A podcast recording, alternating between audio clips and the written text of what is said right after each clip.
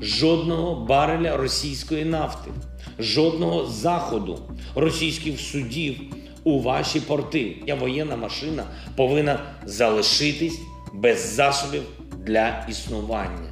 Rysk gas finansierar Vladimir Putins groteska krigsförbrytelser i Ukraina. Men kan ett gasberoende Europa verkligen besegra Kreml genom energipolitisk självsvält? Jag heter Henrik Jönsson och jag är en oberoende libertariansk entreprenör och samhällsdebattör. Vad innebär verklig energibrist? Hur blev Europa egentligen beroende av rysk energi? Och kan Europa besegra Putin genom att svälta sig självt på energi? Dessa frågor tar jag upp i veckans video om gaskris. Uppskattar du mina filmer så hjälper du mig att kunna fortsätta göra dem om du stöttar mig via något av betalningsalternativen här ute till vänster. Det är endast tack vare ert generösa stöd som jag kan fortsätta att producera aktuella nya videokrönikor varenda vecka, så ett stort STORT tack till alla de av er som bidrar. Är du ny här på kanalen så kan du dessutom med fördel prenumerera här nedanför. Se även till att klicka på den där energiberoende klockikonen, men skriv framförallt upp dig på mitt kostnadsfria veckobrev som finns länkat i videons beskrivning, så missar du garanterat aldrig när jag släpper nya filmer, vilket jag gör helt oberoende varenda lördagsmorgon klockan 08.00 svensk tid. Idag pratar jag om energi, ekonomi och Europas framtid. Häng med!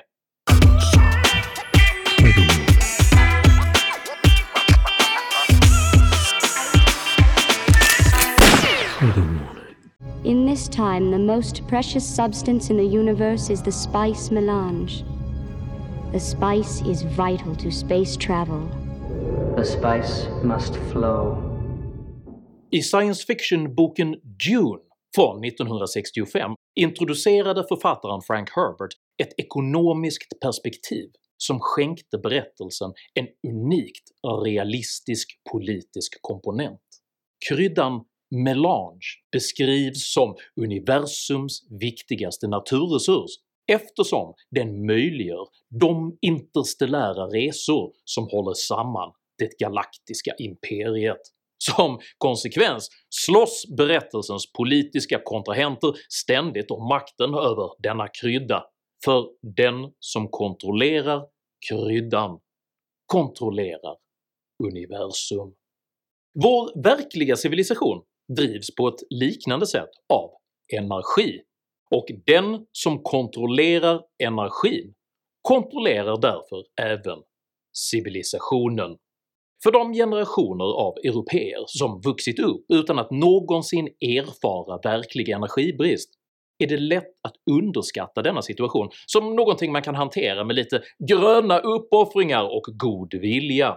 Men verklig energibrist handlar inte om klimatsolidariskt schemalagd dammsugning utan ytterst om överlevnad. Om energin blir knapp skenar nämligen alla priser i hela samhället, och när allt från mat och värme till infrastruktur och försvar plötsligt blir dyrbart istället för självklart, då blir energikrisen snabbt systemhotande. Som konsekvens av detta måste en stat med allvarlig energibrist snabbt skaffa mer energi till varje pris, eller riskera att gå under. Europa har under många år bedrivit en ideologiskt motiverad avveckling av sitt eget energioberoende. Planerbar kärnkraft har fasats ut och ersatts med oplanerbar vindkraft, vilken under årets kalla och vindstilla vinter har visat sig vara både otillförlitlig och otillräcklig som energikälla. Vi kommer nu upp till de högsta priserna liksom utslaget över en enskild dag.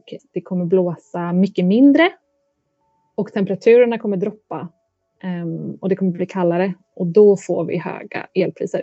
Det är dessa förment gröna beslut som har gjort stora delar av Europa beroende av rysk gas och olja för sin energiförsörjning, vilka i ljuset av Putins groteska krigsförbrytelser nu snabbt blir ett allt större problem.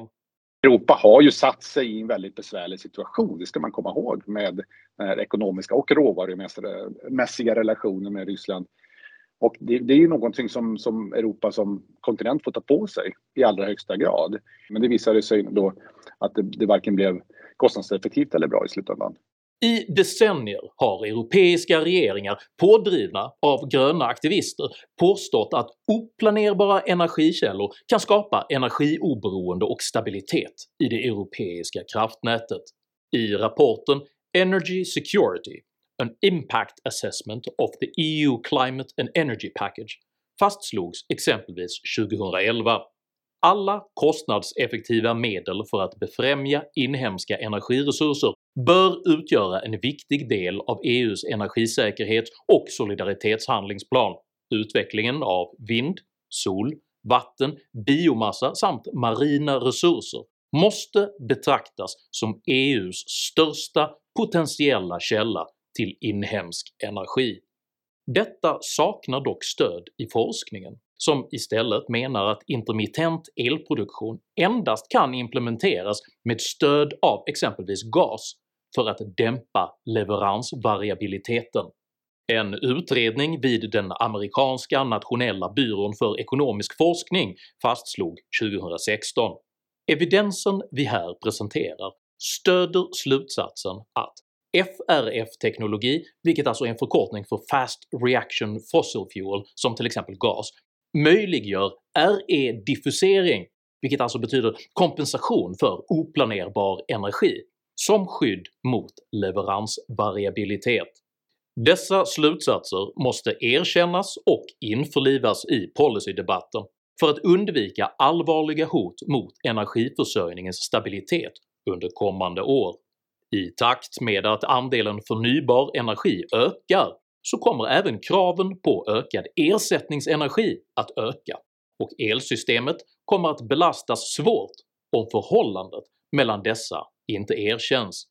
Vår analys uppmärksammar det faktum att den tekniska och finansiella systemkostnaden är så omfattande att de måste erkännas och kan inte bäras på ett diffust sätt. Det är alltså oviljan att erkänna dessa samband och att istället ohederligt framställa vindkraft som en möjlig ersättning för planerbara energikällor som har gjort Europa energiberoende av Ryssland. Det är alltså Europas ideologiskt självförvållade beroende av rysk energi som nu finansierar Putin-regimens krigsmaskineri till en nota av 1 miljard euro per dag, men att strypa den ryska gasen innebär även att man stryper Europa.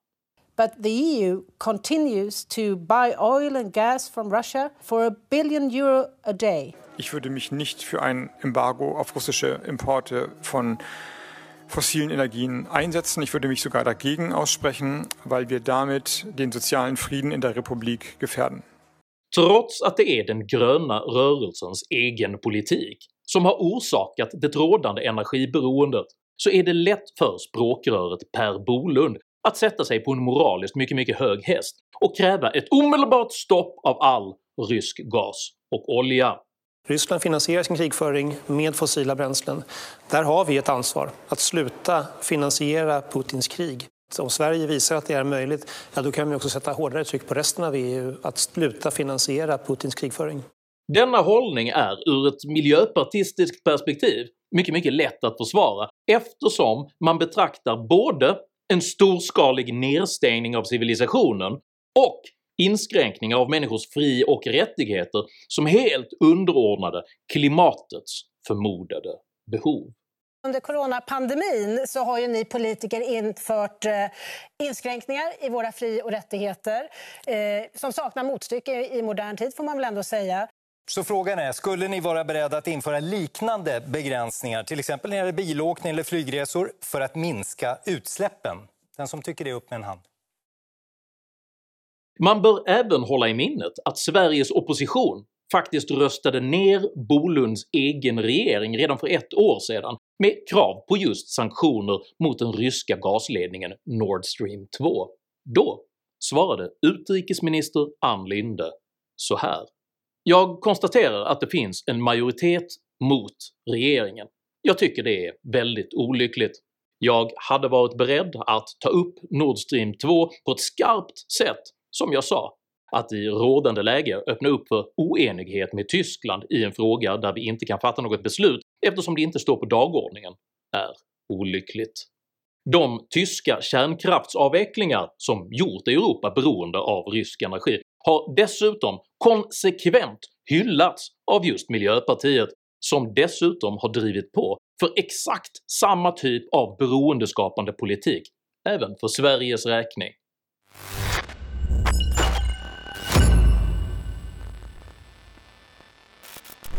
Länder som Polen och Litauen, vilka nu agerar mycket snabbt med att stoppa de ryska gasleveranserna, kan göra detta endast för att de dels har egna direktanslutningar till de ryska gasledningarna och för att deras ekonomier inte är beroende av gas. Być już powtórki z tamtej nie tylko głupoty, ale z tamtej zbrodniczej, niedobrej polityki, która uzależniała od Rosji. So if you have a small percentage of energy coming from Russia, it is easy to say I will not take your energy anymore.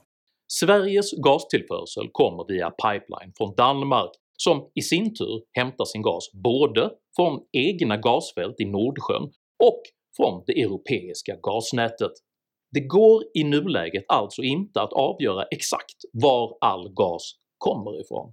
Sverige kan förstås välja att avstå från all gas men inte utan betydande svårigheter för samhället. Energimyndigheten säger till exempel en kraftig minskning i naturgastillförseln skulle få en stor påverkan på samhället inom flera områden. I ett antal fjärrvärmenät finns ett tämligen stort beroende av naturgas, dels då naturgasen utgör bränsle i kraftvärme och värmeverk dels till följd av att naturgasen används i industrier som levererar restvärme från produktionsprocessen till fjärrvärmenätet. Även busstrafiken i vissa områden riskerar att påverkas kraftigt, såväl i orter nära naturgasledningen som på orter på relativt långt avstånd från gasledningarna. Samtidigt bör man även minnas att Miljöpartiet tillsammans med vänsterregeringen så sent som 2019 blockerade anslutningen av Göteborgs hamn till det svenska gasstamnätet, något som hade möjliggjort för Sverige att nu importera ursprungskontrollerad norsk gas som hade kunnat kompensera för en rysk bojkott. Vi kan inte bygga fast Sverige i ett beroende av fossila bränslen eh, när vi har klimatmål som gör att vi ska vara nere på nollutsläpp om 25 år. Det handlar om Swedegas uppmärksammade och omstridda planer på att ansluta det fossila bränslet naturgas till det svenska stamgasnätet i Göteborgs hamn.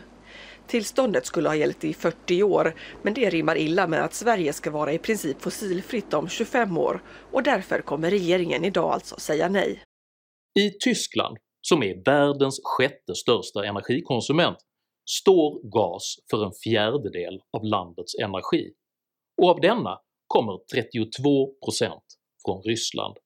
Ett abrupt stopp av all rysk gas och olja skulle på grund av Europas självförvållade energiberoende därför få katastrofala konsekvenser.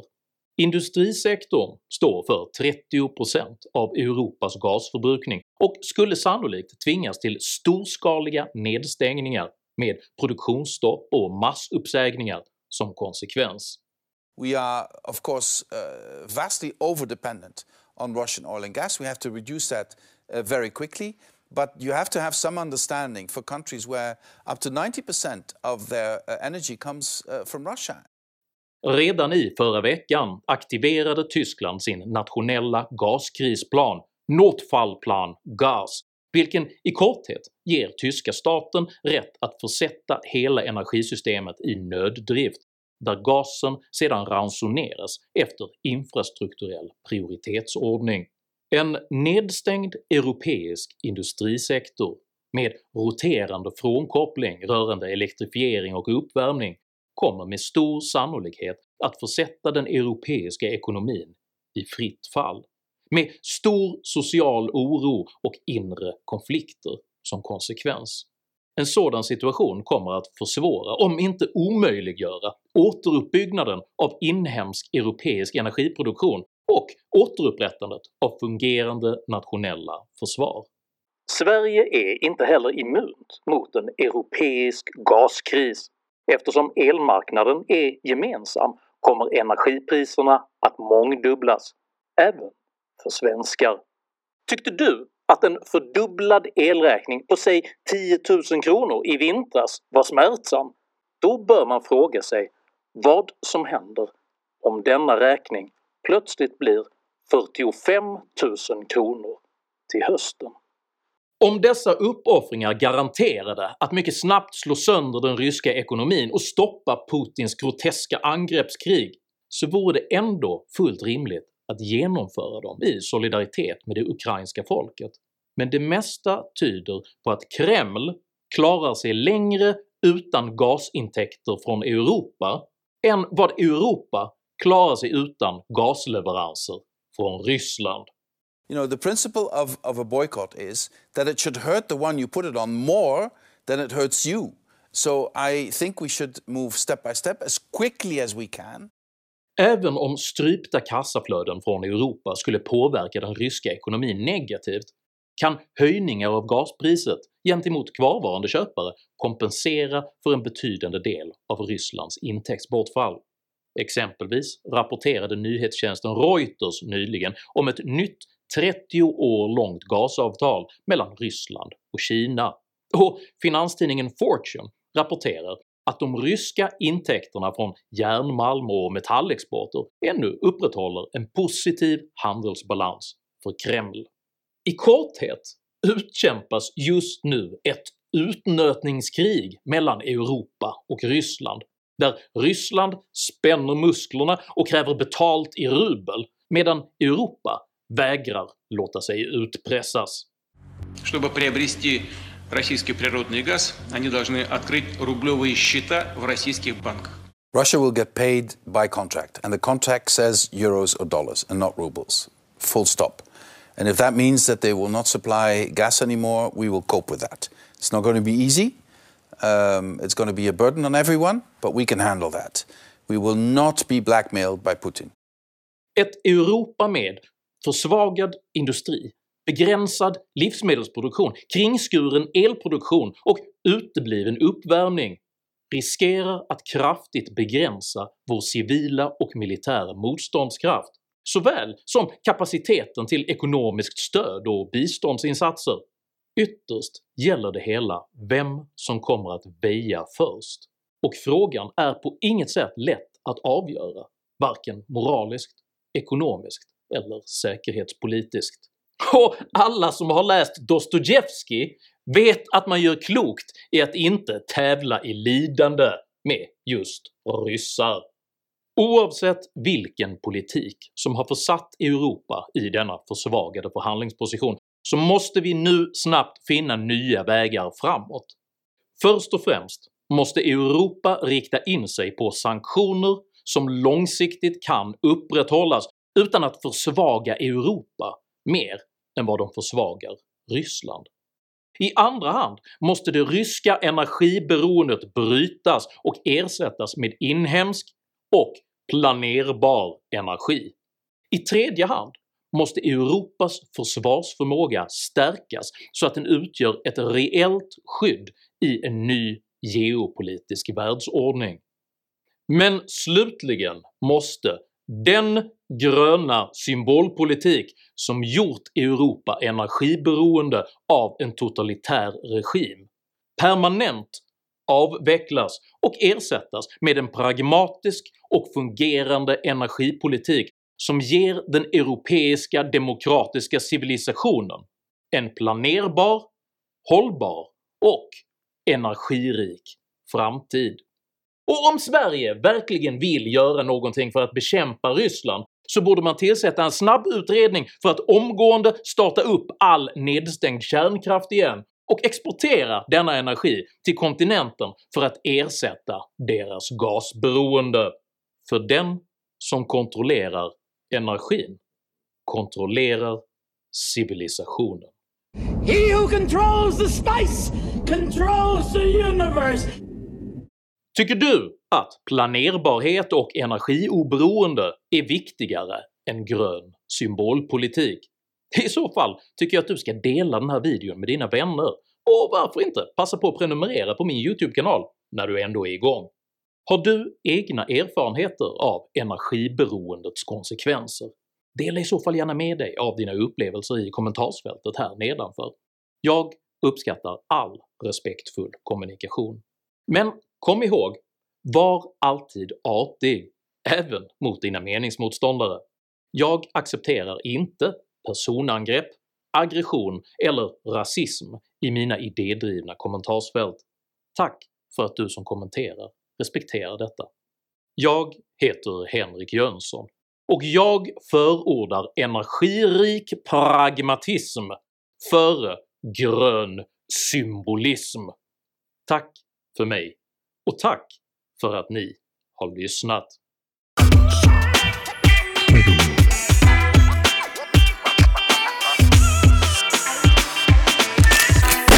Mm.